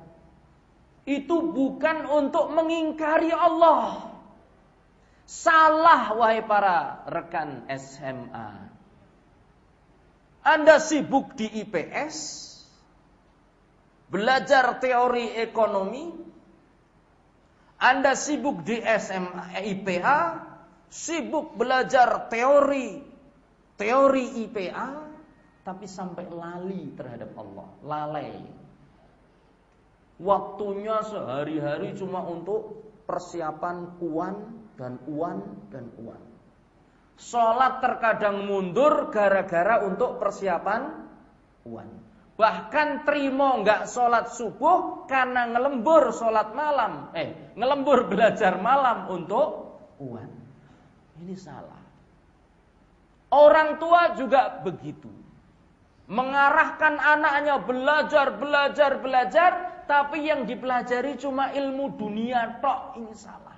Mereka belajar ilmu dunia, ilmu kauni, mempelajari kebesaran Allah dari makhluk-makhluknya, itu untuk beribadah kepada Allah. Jadi harusnya orang tua mengatakan demikian kepada anaknya. Nak, kamu sudah belajar, sekarang sudah lulus SMA, bahkan mungkin sebelum lulus SMA. Kamu sudah lulus SMP, sudah lulus SMA, sekarang sudah diterima di perguruan tinggi, sudah seharusnya kamu itu semakin mengenal Allah. Bukan kok menjadi semakin jauh dari Allah. Semakin jauh dari masjid, semakin jauh dari ilmu, semakin jauh dari ibadah. Ini tidak benar. Karena yang akan ditanyakan itu di kuburan bukan E sama dengan MC kuadrat. Yang ditanyakan oleh malaikat adalah man rabbuka. Wa ma dinuka wa ma nabiyuka. Maka kita pelajari ayat-ayat kauniyah semata-mata adalah untuk beribadah kepada Allah Subhanahu wa taala. Cara yang kedua adalah mempelajari ayat-ayat syar'iyah, yaitu mempelajari Al-Qur'an. Kata Rasulullah Muhammad sallallahu alaihi wasallam, "Khairukum man ta'allama al-Qur'an wa 'allama." Sebaik-baik kalian adalah orang yang mempelajari Al-Qur'an dan mengamal dan mengajarkannya. Sebagian ulama mengatakan bahwasanya sangat disayangkan sekarang ini Orang-orang menjadikan membaca Al-Quran itu sebagai tujuan. Padahal Al-Quran itu diturunkan untuk liudab baru ayat Untuk dipelajari ayat-ayatnya. Maka bagaimana kita mempelajari mengenal Allah lewat Al-Quran? Kita belajar membacanya biiqamati hurufihi. Kita tegakkan hurufnya. Membacanya jangan sampai salah. Jangan sampailah kita sudah gelarnya PhD tapi membaca Al-Quran belum bisa. Ustaz, itu saya Ustaz. Betul Anda? Betul. Anda malu? Anda tidak perlu malu kalau Anda sekarang mau belajar membaca. Yang memalukan adalah yang sudah bergelar macam-macam tapi tidak mau belajar Al-Quran. Malu berhadapan dengan ikro satu misalnya. Saya sudah profesor doktor ngosok ikro satu. Lo nyatanya kalau memang seperti itu tidak masalah. Ya ibaratnya orang kalau sudah badannya kenceng, gede, neng belum pernah latihan bela diri. Apa yang harus dipelajari? Ya latihan kuda-kuda dulu. Dari awal. Orang sudah bisa naik mobil, tapi belum bisa naik sepeda. Kira-kira apa? Ya belajar naik sepeda dulu, harus jatuh bangun, tidak masalah. Maka cara mengenal Allah lewat ayat-ayatnya Al-Quran adalah dengan membacanya. Dipelajari dibaca. Biiqamati hurufi. Yang sudah bisa membaca dibenarkan bacaannya. Panjang pendeknya harus pas. Jangan sampai yang panjang dipendekkan, yang pendek dipanjangkan. Itu bisa fatal loh masalah panjang pendek itu. Betul-betul bisa fatal. Ya. Kalau dalam ayat itu la khabir ayat apa itu Hah? inna rabbahum bihim yauma idzin la khabir ya kan sesungguhnya Rabb mereka pada hari itu betul-betul mengetahui sebagian imam saya pernah dengar dia membaca yaum inna rabbahum yauma idzin la khabir. Lanya panjang. Pada hari itu Rob mereka la khabir. Tidak mengetahui. 180 derajat. Ada yang membaca Sayyidul Istighfar. Allahumma anta rabbi La ilaha illa anta. Itu benar benar atau salah? Benar. Ada yang pernah saya dengar. Bukan main-main malah. Yang membaca itu wetonan. Pondok. Dia membaca Allahumma anta rabbi la, la ilaha illa anta. La ilaha illa anta. Lanya pendek. Artinya apa? Sungguh ada sesembahan kecuali engkau ya Allah. Nah, itu rak ngeri toh itu. Makanya cara mengenal Allah adalah yang kedua dengan mempelajari cara membaca Al-Qur'an. Mempelajari ayat-ayat Allah syar'iyyah. Wa iqamati hududihi. Setelah kita bisa membaca, mempelajari dengan baik cara membaca Al-Qur'an dan ini tidak mengenal usia. Maka setelah itu kita belajar isi kandungan Al-Quran. Mempelajari makna Al-Quran. Inilah yang akan mengenalkan kita kepada Allah Subhanahu wa taala. Kita akan mengenal Allah. Oh, ternyata Allah memerintahkan kita demikian. Ternyata Allah melarang kita demikian maka bacalah Al-Quran dan pelajari isinya. Ini untuk mengenalkan kita lebih kepada Allah Subhanahu wa taala. Di antara cara untuk mengenal Allah Subhanahu wa taala adalah dengan ma'rifatul qalbi. Mengenal Allah dengan hati kita. Merasa muraqabah diawasi oleh Allah Subhanahu wa taala kita merasa bahwasanya tindak tanduk kita ini seluruhnya diawasi oleh Allah Subhanahu wa taala. Sungguh aneh kalau kita merasa malu untuk berbuat maksiat tatkala kebanyak orang di sekitar kita tapi tidak malu tatkala sendirian. Padahal orang itu kemampuan melihatnya, mendengarnya, mengawasinya kurang. Tidak seperti kemampuan Allah Subhanahu wa taala. Sementara Allah Subhanahu wa taala Sami, Basir. Allah Maha mendengar dan Allah Maha melihat. Maka makanya sungguh benar kata seorang ulama, Bilal bin Sa'ad mengatakan, La tandur ila sigharil ma'asi. Jangan engkau lihat sedikitnya maksiat yang engkau kerjakan. Akan tetapi walakin indur ila man asaitahu akan tetapi lihatlah siapa dengan siapa engkau bermaksiat. Kita tanamkan rasa malu kita kepada Allah Subhanahu wa taala. Kita tanamkan rasa ihsan kita kepada Allah. Sebagaimana Rasulullah sallallahu alaihi wasallam mengatakan, "Anta'budallaha ka'annaka tarahu fa illam takun tarahu fa innahu yarak." engkau beribadah kepada Allah seakan-akan engkau melihat Allah. Kalau memang engkau tidak bisa melihat Allah, maka ketahuilah Allah itu melihatmu. Inilah ihsan. Ihsan itu adalah Allah yaraka fi manahak. Allah yaraka Allahu fi manahak wa alla yafkidaka fi ma amarak. Itu namanya ihsan. Jangan sampai Allah melihatmu di tempat-tempat yang dimurkai oleh Allah. Kalau Allah melarang zina, maka Anda jangan berzina. Kalau Allah melarang mencuri, maka Anda jangan mencuri. Kalau Allah melarang Anda durhaka kepada orang tua, maka Anda jangan durhaka kepada orang tua. Kita kenal Allah seperti itu. Kita merasa diawasi oleh Allah.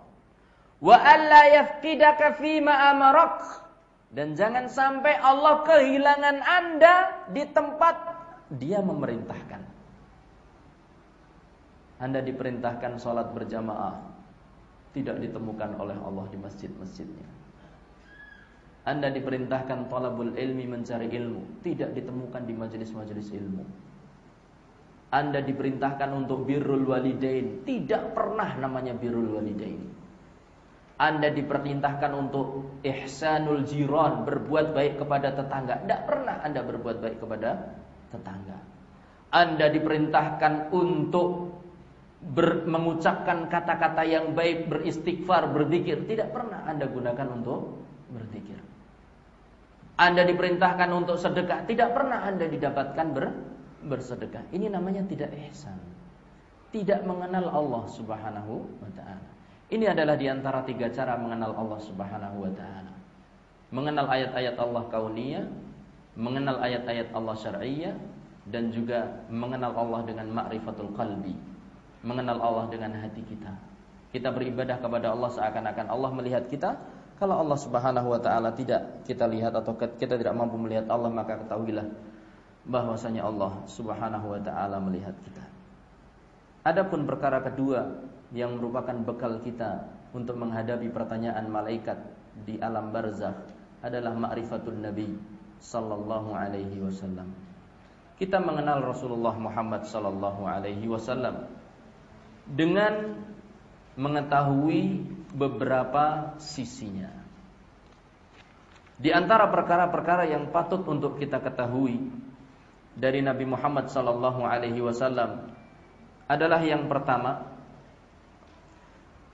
kita mengenali mengenali nasab beliau.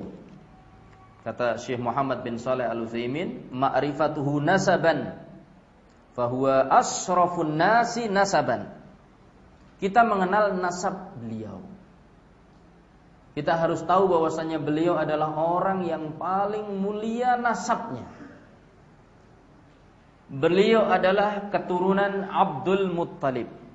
Abdullah bin Abdul Muttalib bin Hashim. Wa Hashim min Quraisy. Muhammad sallallahu alaihi wasallam putra Abdullah, putra Abdul Muttalib, putra Hashim dan Hashim adalah keturunan Quraisy. Dan Quraisy adalah kabilah yang termulia dari kalangan Arab dan Arab adalah keturunan Nabi Ismail. Dan Nabi Ismail adalah keturunan dari Nabi Ibrahim. Ini menunjukkan bahwasanya nasab Nabi Muhammad sallallahu alaihi wasallam adalah nasab yang mulia. Dan dengan mengetahui nasab beliau, kita juga mengetahui orang-orang yang masih bersambung nasabnya dengan beliau. Dan kita muliakan. Yaitu orang-orang yang masih ada kerabat dengan beliau. Yaitu siapa? Ahlul ahlul bait. Termasuk ahlul bait adalah istri-istri beliau. Salawatullah alaihi wasalamuhu. Para istri beliau. Aisyah Khadijah dan yang lainnya radhiyallahu taala anhuna ajmain wa azwajuhu ummahatukum mereka adalah ibu-ibu kita kita cintai mereka sebagaimana kita mencintai ibu kita bahkan lebih. Tidak boleh kita menghina mereka, tidak boleh mengatakan Aisyah itu pezina sebagaimana dikatakan oleh sebagian kelompok yang mengaku Islam yang mengatakan bahwasanya Aisyah adalah pezina, yaitu orang-orang Syiah Rafidhah. Bahkan di antara mereka mengatakan bahwasanya kemaluan Nabi Muhammad sallallahu alaihi wasallam yang digunakan untuk menghubungi Aisyah dan Hafsah maka akan disiksa di dalam neraka. Ini perkataan mereka.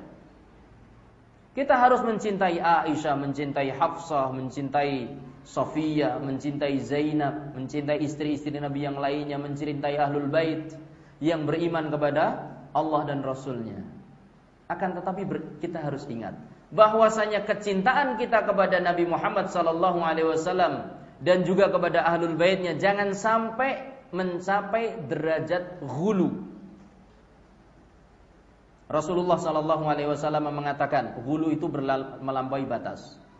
Rasulullah Sallallahu Alaihi Wasallam bersabda, "La tutruni kama atratin nasara Isa bin Maryam, fa ana Abdullah wa Rasul." Janganlah kalian berlebih-lebihan dalam memuliakanku sebagaimana orang Nasrani terlalu berlebihan dalam memuliakan Nabi Isa. Apa kata orang Nasrani tentang Nabi Isa? Huwa Allah wa huwa ibnullah. Dia Allah dan dia adalah ibnu anaknya Allah. Walaupun mereka sebetulnya berbeda pendapat. Apakah Nabi Isa itu Allah ataukah anak Allah? Ikhtalafa haula. mereka berbeda pendapat dan ini pernah mereka rembuk apakah Nabi Isa itu anak Allah ataukah Allah Subhanallah Bingung mereka menentukan Nabi Isa itu Allah atau anak Allah, ya. Dan ini terjadi pada Majma' Niqiyah. Kongres Niqiyah yang dilakukan di mana e, di Yunani, ya di daerah-daerah Romawi Yunani sana. Yang akhirnya mereka mengumpulkan sekian banyak pendeta. Kemudian juga mengumpulkan semua Injil-Injil yang mereka miliki dan kemudian membakar hangus Injil-Injil yang tidak sesuai dengan pendapat mereka. Kemudian menerbitkan Injil-Injil yang sesuai dengan pendapat mereka sampai sekarang. Ala kulihal. Ya. Kita tidak boleh berlebihan. Termasuk juga dalam mencintai ahlul bait. Sebagian orang mengatakan pokoknya kalau ahlul bait sudah mesti jaminan. Kata Rasulullah sallallahu alaihi wasallam, man lam yusri bihi amaluhu lam yusri bihi nasabuhu. Atau man batta'a bihi amaluhu lam yusri bihi nasabuhu. Orang yang amalannya tidak baik maka tidak akan berguna nasabnya Anda Raden Anda Diajeng Raden Mas Kanjeng keturunan kesultanan, keturunan kesunanan, keturunan raja mana, keturunan panglima mana, nggak akan berguna sama sekali selama tidak beriman kepada Allah Subhanahu wa taala dan rasulnya. Maka kita belajar nasab Rasulullah sallallahu alaihi wasallam bukan untuk melakukan hulu. Bukan untuk melakukan sikap yang berlebih. Kita belajar nasab beliau. Sehingga kita yakin bahwasanya Nabi kita adalah seorang yang keturunan dari orang yang mulia. Kemudian di antara eh, perkara yang perlu dipelajari dari Nabi kita dan tidak mungkin kita paparkan semuanya di pada kesempatan kali ini, kata Syekh Muhammad bin Saleh Al Utsaimin adalah ma'rifatu sinnihi. Umurnya berapa? Usianya berapa? Wa ma'rifatu makani wiladatihi kita juga perlu mengenal di mana dia lahir. Ya. Wa muhajiri wa muhajirihi dan ke mana dia berhijrah. Dia memiliki umur 63 tahun. Dia lahir di kota Mekah. Dia berhijrah dari Mekah menuju Madinah. Ini di antara yang perlu kita ketahui. Kemudian juga perkara yang ketiga yang perlu kita ketahui adalah ma'rifatu hayatihi nabawiyah. Kita harus mengenal kehidupan kenabian beliau sallallahu alaihi wasallam. Berapa tahun panjang kenabian beliau? Yaitu 23 tahun. Jangan sampai kita tidak mengenal yang seperti itu. Berapa lama dia dakwah di Mekah? Berapa lama dia dakwah di Madinah? Ini paling tidak adalah apa? pengetahuan-pengetahuan yang ringan yang harus kita ketahui. Kapan dia menjadi nabi? Umur berapa? Dengan surat apa dia diangkat dengan menjadi nabi? Dengan surat apa dia diangkat menjadi rasul? Sallallahu alaihi wasallam. Ini di antara perkara yang harus kita ketahui. Kata Syekh, "Warabi'u bimada kana nabiyan wa rasula." Perkara yang keempat yang harus kita ketahui adalah apa tadi? Bagaimana atau dengan apa dia diangkat menjadi nabi dan dengan surat apa dia diangkat menjadi rasul. Ini salah satu yang harus kita ketahui. Ya. Kemudian Nubi Abil Iqra ursila bil muzammil atau bil mudathir ya. Dia diutus menjadi seorang nabi dengan Iqra dan dia diutus menjadi seorang rasul dengan surat mudathir. Nah, kemudian di antara perkara Perkara yang harus kita ketahui tentang Rasulullah Muhammad sallallahu alaihi wasallam adalah bimada ursilah. Untuk apa dia diutus? Dengan apa dia diutus? Dia diutus untuk mentauhidkan Allah Subhanahu wa taala. Oh, berarti kalau begitu Anda harus belajar tauhid. Dia diutus untuk membawa segala macam ibadah kepada Allah Subhanahu wa taala. Oh, kalau begitu kita harus banyak mengetahui tentang ibadah-ibadah Rasulullah sallallahu alaihi wasallam kaifa kana ibadatuhu sallallahu alaihi wasallam. Bagaimana ibadah beliau? Ini yang pemuda-pemuda ini.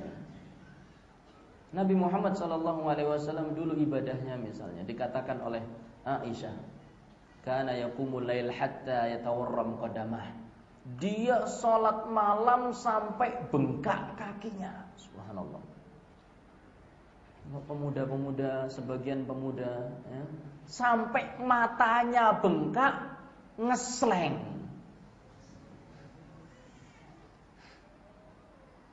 Sampai matanya bengkak karena nonton Ronaldinho.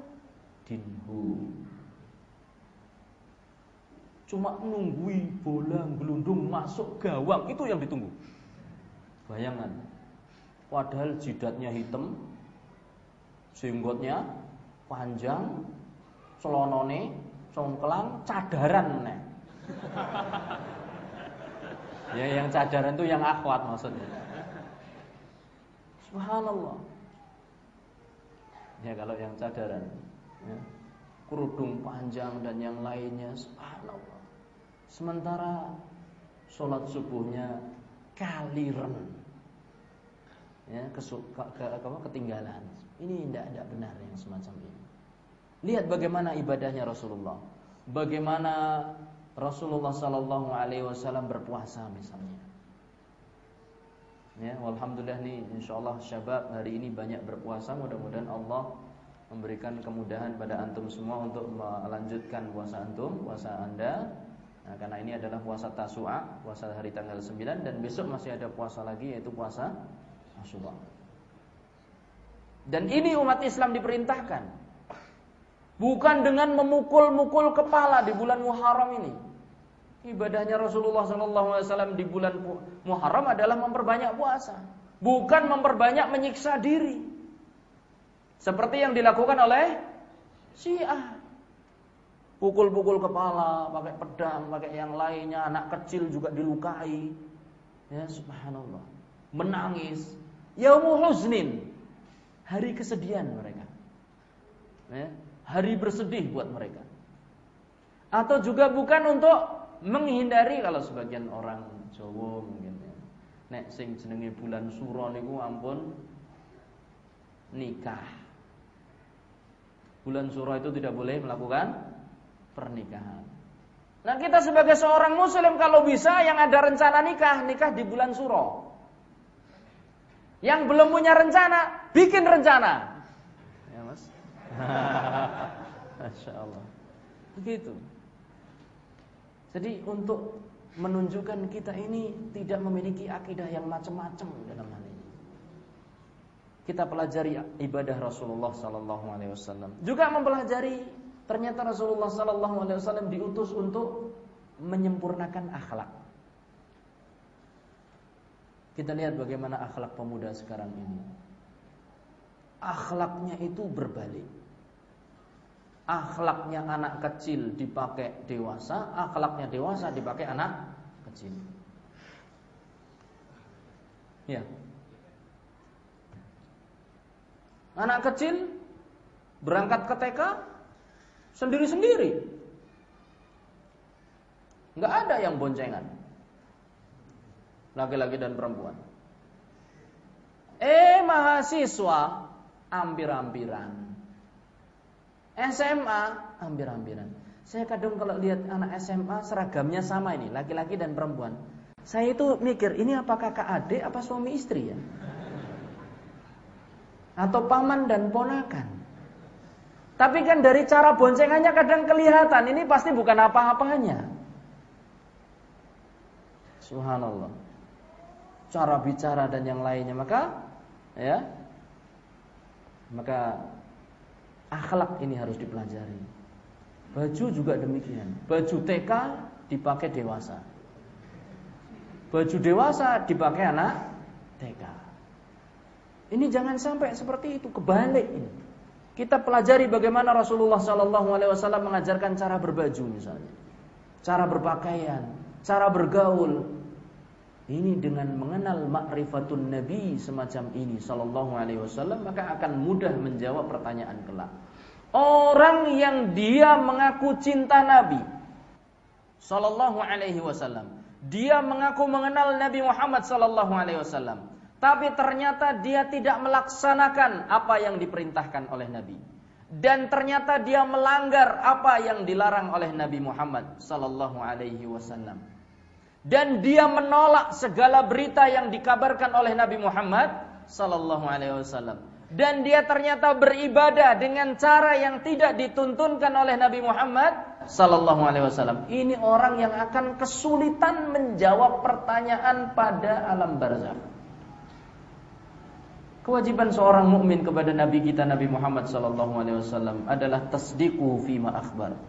Membenarkan segala berita Nabi Muhammad sallallahu alaihi wasallam, melaksanakan segala uh, perintah Rasulullah sallallahu alaihi wasallam, menjauhi segala larangan Rasulullah sallallahu alaihi wasallam dan tidak beribadah kepada Allah kecuali dengan yang disyariatkan oleh Rasulullah Muhammad sallallahu alaihi wasallam. Dua perkara ini ma'rifatullah wa ma'rifatun nabi sallallahu alaihi wasallam mengenal Allah lewat ayat-ayat Allah al-kauniyah, ayat-ayat Allah asy-syar'iyyah. Mengenal Allah dengan ma'rifatul qulub, mengenal hati. Hati kita kita kenalkan kepada Allah dengan mempelajari nama-nama dan sifat-sifat Allah. Masih banyak yang harus kita pelajari, saudara-saudara sekalian. Banyak sekali yang masih harus kita pelajari. Demikian juga Nabi kita Nabi Muhammad sallallahu alaihi wasallam karena dengan mempelajari al-Islam itu berarti adalah usaha untuk ma'rifatun Nabi. Mengenal ajaran Islam itu berarti adalah mengenal Nabi Muhammad sallallahu alaihi wasallam. Semakin orang itu mengenal ajaran Islam, maka semakin dia itu kenal dengan Nabi Muhammad sallallahu alaihi wasallam. Dan semakin orang itu malas dalam mempelajari al-Islam, maka berarti dia semakin malas dalam mengenal Nabi Muhammad sallallahu alaihi wasallam. Maka kaum muslimin dan muslimat, bapak-bapak dan ibu-ibu, adik-adik rekan-rekan remaja sekalian yang dirahmati oleh Allah Subhanahu wa taala, maka marilah kita bersemangat untuk menghadiri kajian-kajian yang di dalamnya dibahas uh, bagaimana kita mengenal Allah Subhanahu wa taala. Tidak ada salahnya loh. Tidak ada salahnya bahkan wajib bagi kita. Meskipun kita sudah tahu Allah itu sang pencipta, kadang kita duduk merenung memperhatikan diri kita, mencermati diri kita. Kok ciptaan Allah seperti ini indahnya? Mengamati alam semesta, demikian besarnya ciptaan Allah Subhanahu wa taala untuk semakin mempertebal keimanan kita. Dan juga kita terus mempelajari Al-Qur'an, membacanya. Ditargetkan. Jangan sampai sekarang ini ketika ketemu Al-Qur'an, apa kabar Al-Qur'an? Karena kemarin Ramadan, masya Allah, getolnya luar biasa. Sekarang hanya apa kabar Al-Quran lewat. Jangan sampai seperti itu. Jangan kita ini menghajar Al-Quran. Jangan kita ini memboikot Al-Quran dengan tidak membacanya dan tidak mengamalkannya. Dan juga jangan sampai kita tidak mengenal siapa Nabi kita Nabi Muhammad Sallallahu Alaihi Wasallam. Kita baca sirah beliau Ar-Rahiq Al-Makhtum atau yang paling sederhana mungkin dari buku Busirah adalah uh, apa namanya buku kecil yang biasa diajarkan di pondok-pondok itu apa? Nurul Yakin ya.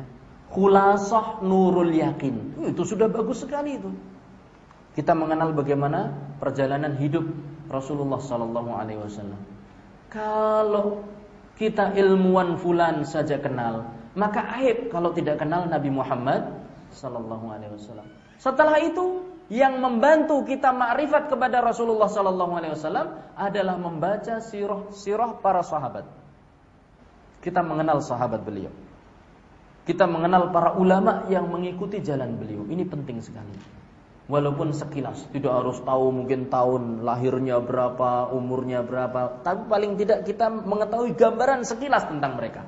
Demikian yang bisa saya sampaikan. Mudah-mudahan yang sedikit ini adalah sebagai mukaddimah dari ma'rifatullah wa ma'rifatun nabi sallallahu alaihi wasallam. Dan tentunya untuk mempelajari hal itu kita terus terus perlu untuk belajar lebih mendalam kepada ustadz-ustadz yang ada. Dan alhamdulillah banyak sekali kajian yang di sini diadakan oleh para ustadz di antaranya adalah Ustadz Vivi, Ustadz Aris Munandar, kemudian mungkin Ustadz eh, yang lainnya, ya Ustadz Abdul Tuasikal, Kemudian asatidah yang lainnya yang bisa membantu kita semua untuk memperdalam agama Islam. Demikian wallahu taala a'lamu bissawab. Sallallahu ala nabiyyina Muhammad walhamdulillahirabbil alamin. Wassalamualaikum warahmatullahi wabarakatuh. Pertanyaan saya apa sih? Pertanyaan dari saya. Nah, Ustaz Sambal. Nah, ini selanjutnya sesi tanya jawab. Akan tapi karena terusan waktu, jadi mungkin akan saya pilih beberapa SMS, eh, beberapa pertanyaan. Untuk pertanyaan ini untuk mempersingkat waktu bisa SMS ke CP kajian ini 085 228 559 270. Untuk jawaban yang nanti yang belum dijawab, insya Allah akan dijawab kami melalui website kami kajian.com atau masjid.com. Ini untuk pertanyaan yang pertama. Bismillah. Bagaimana dengan amalan baik orang-orang kafir yang menemukan penemuan-penemuan atau teori-teori yang dimaksud di diaplikasikan untuk kemaslahatan umat misal penemuan listrik dan sebagainya. Apakah ilmu itu bisa memberikan keselamatan keselamatan baginya? Mengingat manfaat yang sangat luas. Bismillahirrahmanirrahim. Tentang penemuan-penemuan oleh ilmuwan-ilmuwan kafir. Ya. Penemuan itu adalah bermanfaat. Penemuan listrik, radio, kemudian alat perekam dan yang lain-lainnya, mobil, motor, itu adalah penemuan penemuan yang bermanfaat. Akan tetapi manfaat dari penemuan tersebut layan fauhu tidak bermanfaat bagi mereka. Yanfa'uhum fid dunya. Memang bermanfaat bagi mereka di dunia. Sebut saja Honda. Sebut saja Honda. Honda itu nama orang. Orang Jepang. Kafir dia. Ya. Uh, bagaimana perjalanan hidupnya dari kecilnya dia adalah seorang anak anak seorang tembel panci. Tukang tembel panci. Kemudian dia terus berjuang, berjuang, berjuang, berjuang, berjuang sampai ditemukan Honda. Sekarang coba, siapa yang tidak kenal Honda? Eh? Semua kenal.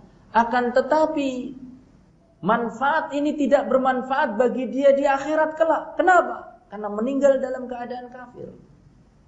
Kata Allah Subhanahu wa taala, "Wa qadimna ila min amalin faja'alnahu haba'an manthura." Akan kami tampakkan besok pada hari kiamat kebaikan-kebaikan mereka. Ini orang-orang kafir. Ada hasilnya. Catatan kebaikannya ada. Faja'alnahu haba'an manthura, tapi kemudian akan kami jadikan sebagai debu-debu yang berterbangan. Karena amalan kebaikan mereka tidak diterima oleh Allah. Amalan kebaikan itu diterima dengan tiga syarat. Syarat diterimanya amalan itu tiga. Yang pertama apa? Coba siapa yang bisa menjawab? Tiga syarat ada hadiahnya toh? Anak-anak SMA. Bukan seminar mahasiswa dan alumni, bukan. Tiga syarat diterimanya amalan anak SMA. Yang mana dulu? Yang ini saja katanya. Mana? Fadal. Silakan. Ikhlas ittiba tidak dibatalkan dengan kesyirikan. Bagus. Labas. Ikhlas itu adalah tidak dibatalkan dengan kesyirikan. Kurang tapi nggak apa-apa lah. Ya, silakan. Apa ini? Ulasan tuntas. Nah. Siapa Mas? Dari mana? SMA mana? SMK 2 Yogyakarta. Coba coba mohon maaf, tadi kan di absen oleh Ustadz SMA SMA terus kan. Sekarang yang selain SMA tapi dari SMK, ada enggak? Ya, silakan tunjuk tunjuk tangan. Ya. Ada yang lain? Ya, SMK. Ya. SMK berapa, Mas? Tiga. SMK tiga semuanya. Kemudian dari SMA Muhammadiyah, ada enggak? Atau MAN, MAN? Madrasah aliyah? Enggak ada. Muallimin ada enggak? Muallimin Muhammadiyah pas libur mungkin? Enggak ada. Baik. Barakallahu fiik. Ada yang bisa melengkapi jawaban ini? Ya, itu? Kenapa? Iya. Jadi barakallahu fiik. Jadi tiga syarat diterimanya amalan adalah dua yang disebutkan Mas Taufik tadi.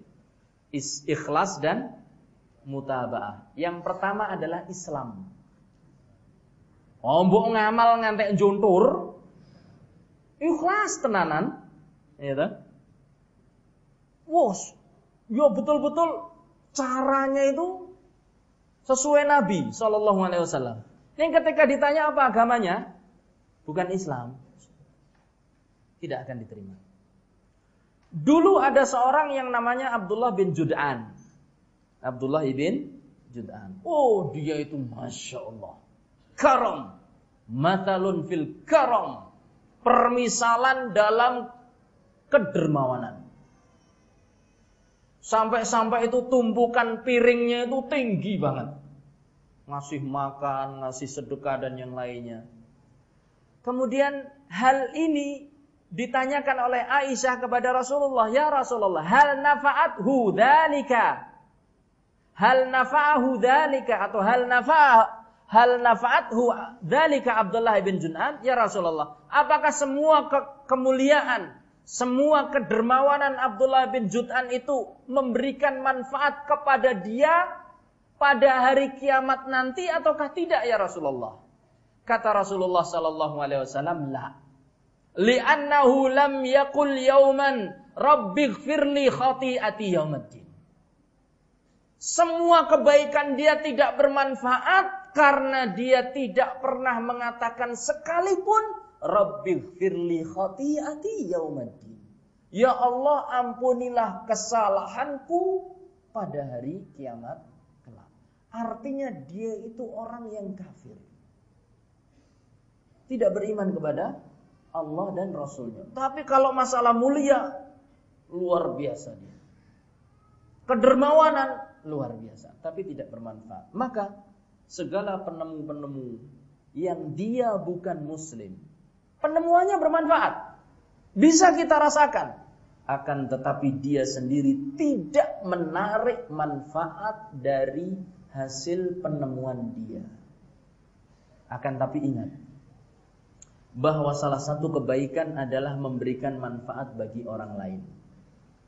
Maka Anda yang belajar di sekolah-sekolah umum sudah saatnya Anda memberikan berpikir, memberikan manfaat bagi kaum muslimin. Jangan mau kalah dengan mereka-mereka yang bukan beragama Islam. Maka dengan ilmu Anda yang sekolah di SMK mungkin atau mungkin sekolah di universitas dengan fakultas masing-masing. Berikan manfaat kaum muslimin dengan ilmu Anda. Ada mungkin di antara Anda yang ber, ber memiliki bidang pekerjaan dokter. Maka gunakan ilmu kedokteran Anda untuk memberikan manfaat bagi kaum muslimin. Kata Rasulullah sallallahu alaihi wasallam, "Khairukum anfa'ukum linnas." Sebaik-baik kalian adalah orang yang paling bisa memberikan manfaat bagi manusia. Nah, wallahu taala alamu besar. Kemudian ini nanti dipotong dulu ya pertanyaannya, kemudian kita beralih dulu ke yang berbelas dulu. Jadi ini mekanismenya untuk yang Iwan menjawab langsung aja. Tapi untuk yang Awan karena kami tidak tidak ada mic yang kabelnya panjang ya atau enggak yang tidak ada kabel jadi yang Awan bisa menjawab pertanyaannya ke CP tadi nanti diutamakan yang SMA dulu dan dulu duluan nanti saya bacakan ke untuk dikoreksi untuk pertanyaannya yang Afwan dulu biar nanti jamnya nulis baru pertanyaan untuk yang Iwan. Ini ada totalnya dua buku lagi untuk Afwan yang dua buku lagi untuk Iwan. Ada empat buku lagi. Ini untuk siapa sekarang? Afwan dulu. Satu pertanyaan untuk satu pertanyaan, satu pertanyaan untuk Afwan. Kemudian? Nanti di SMS saya jawabannya oh, iya. skip langsung pertanyaan untuk yang Iwan. Jawab iya. Ini yang seperti yang saya katakan tadi panitia mengatakan tidak ada mic yang kabelnya panjang dan tidak ada mic yang tanpa kabel. Jadi akhirnya jawabannya SMS-an. Maka salah satu cara adalah siapa yang ingin mengeluarkan hartanya untuk membeli kabel panjang menyambung mic atau mic yang tanpa kabel sehingga terjadi tanya jawab yang interaktif cepat ya e, dan tidak masalah suara akhwat dalam masalah ilmu tidak ada masalah insyaallah taala. Nah, pertanyaan pertama bagi akhwat. Sebutkan dalil yang mudah bahwasanya Allah Subhanahu wa taala adalah pemelihara alam semesta ini.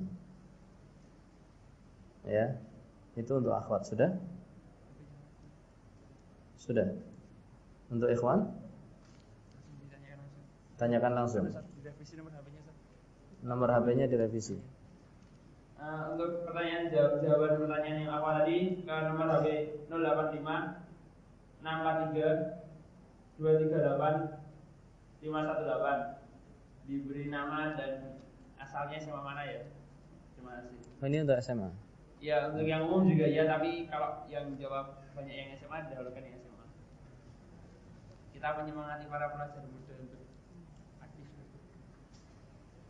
Satu yang ikhwan langsung. Iya, sekarang untuk yang ikhwan. Uh, satu himbauan saja, karena ini sebetulnya kajian untuk SMA, maka bahasa bahasa yang kita gunakan juga bahasa gaul.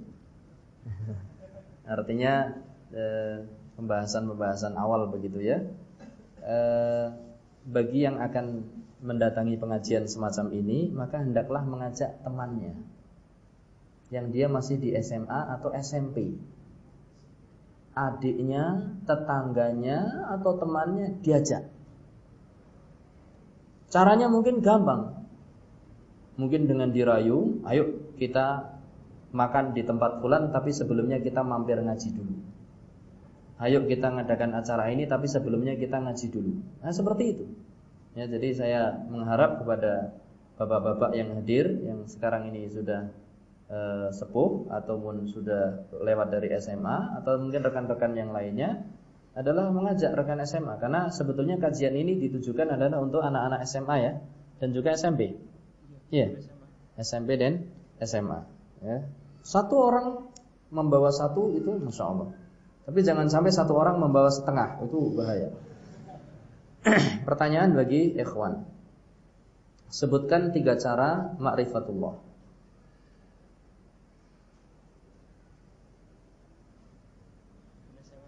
Itu ya yang belakang. Loh, itu SMA atau SMK mana? Berapa? SMA satu Depok. Masya Allah. Fadal. Nggak usah malu-malu, jangan nunduk terus.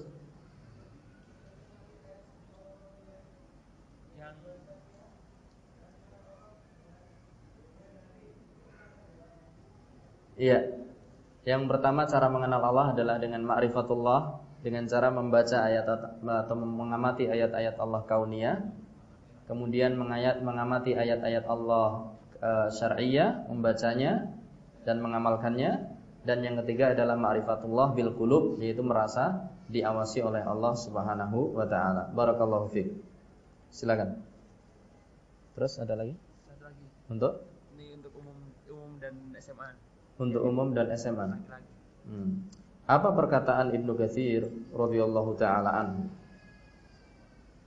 Ketika beliau mengomentari firman Allah taala يا أيها الناس اتقوا ربكم الذي خلقكم والذين من قبلكم لعلكم تتقون الذي جعل لكم الأرض فراشا والسماء بناء وأنزل من السماء ماء فأخرج به من الثمرات رزقا لكم فلا تجعلوا لله أندادا وأنتم تعلمون Apa perkataan Ibnu Katsir? Cung Bebas Bebas katanya. Anda dari bebas? Sudah bebas ataukah masih terkurung? Di mana kuliahnya? UMY Fakultas bahasa Arab. Halas, yajib 'alaika an tatakallam bil Arabiyyah. Ajib bil Arabiyyah, la tastati. Batala hadduka. la tahfad. Idan takallam ma syi'at. Baik, fadhal.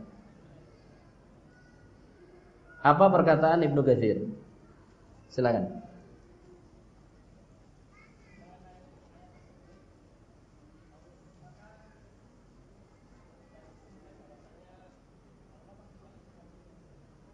Allah yang bahwasanya zat yang menciptakan segala sesuatu itu dialah zat yang paling berhak disembah. Al-khaliqu li hadhil asya huwal mustahiqqu lil ibadati. Zat yang menciptakan segala macam tadi adalah zat yang paling berhak untuk diibadahi. Naam, barakallahu fiik. Ada lagi? Sudah. Silakan. Ini untuk yang awal tadi yang mau menjawab kirim ke 085 643 238 518. Ini untuk jawaban yang pertama masuk yaitu dari surat Al-Fatihah ayat 2. Rukun Ustaz. Al-Fatihah ayat 2 atau ayat 1? Alhamdulillahirabbil Mana ya, Ayat 2 atau ayat 1? Ayat 2? Dua atau satu? Alhamdulillahi Rabbil Alamin Para ulama berbeda pendapat tentang apakah ayat ini ayat 2 ataukah ayat 1 Jadi betul insyaAllah Barakallahu fiqh Terus ini jawaban yang kedua dari orang yang berbeda di surat Al-Baqarah ayat 22. Al-Baqarah ayat 22 bunyinya apa?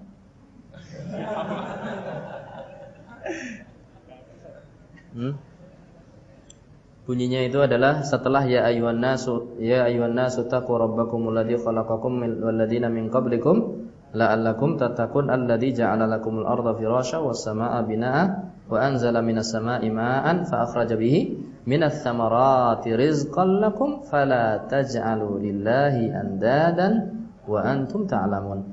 Ayat ini ayuhal ikhwah adalah ayat yang per atau ayat ini adalah ayat perintah Allah Subhanahu wa taala untuk beribadah atau perintah Allah Subhanahu wa taala kepada manusia untuk beribadah kepada Allah Subhanahu wa taala ya ini adalah ayat yang pertama setelah Al-Fatihah ya yang memerintahkan manusia untuk beribadah kepada Allah Subhanahu wa taala. Nah, wallahu taala alam bisawab.